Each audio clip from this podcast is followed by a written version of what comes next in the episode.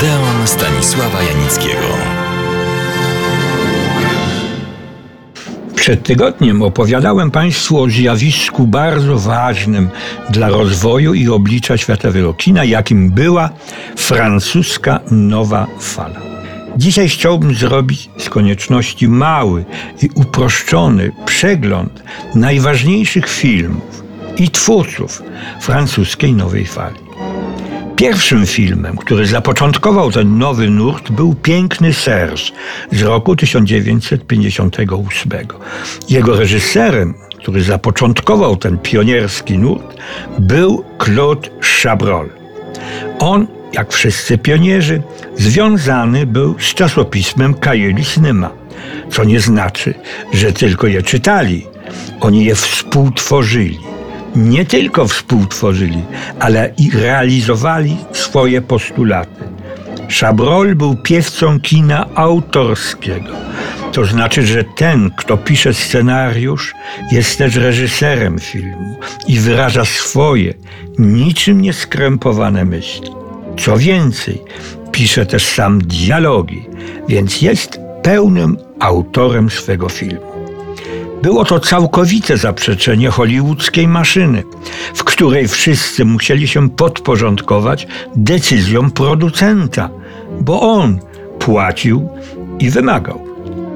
Piękny Serge jest zgodnie z zasadami nowej fali filmem autorskim. Co więcej, Chabrol sięgnął do swojej biografii i sportretował znanych sobie ludzi. Byli nimi przede wszystkim jego rówieśnicy. Jeden z bohaterów po studiach przybywa do rodzinnego miasta i spotyka swojego kolegę, nie potrafiącego pokonać duchowego marazmu i poczucia, że zmarnował swoje życie. Piękny Serge zrealizowany za małe pieniądze, odniósł ogromny sukces. Było to rzeczywiście nowe kino i umożliwił Szabrolowi nakręcenie następnego filmu, utrzymanego w tym samym stylu. Byli to kuzyni, za który Chabrol otrzymał nagrodę na festiwalu w Berlinie. François Truffaut o którym opowiem kiedyś bardziej szczegółowo, bo warto znać jego historię i los. Urodził się w Paryżu w 1932 roku. Jak to się podkreśla, był samoukiem.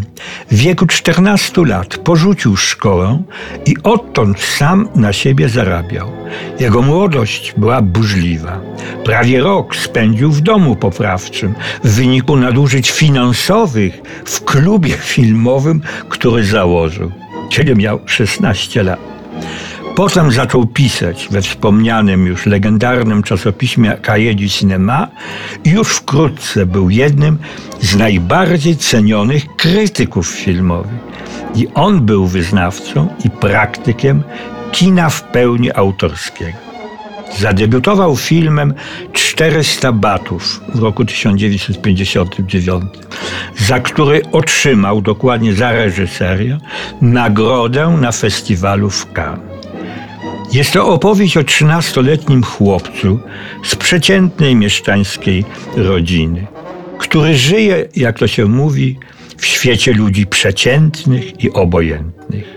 A on, Antoine, stoi na styku świata dziecięcego i młodzieńczego. Skazany jest na niezrozumienie i odtrącenie. Przez przypadek dostaje się do domu poprawczego, z którego ucieka. Zacytuję opis finału filmu. Ostatnia sekwencja filmu to długi bieg Antuana nad brzeg morza, którego nigdy nie widział, które jest dla niego konkretyzacją tęsknoty za innym życiem.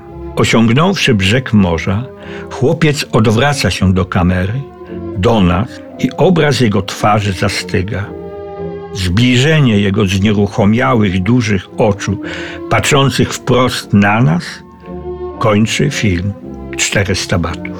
Kolejny, podaj najważniejszy twórca francuskiej nowej fali to Jean-Luc Godard.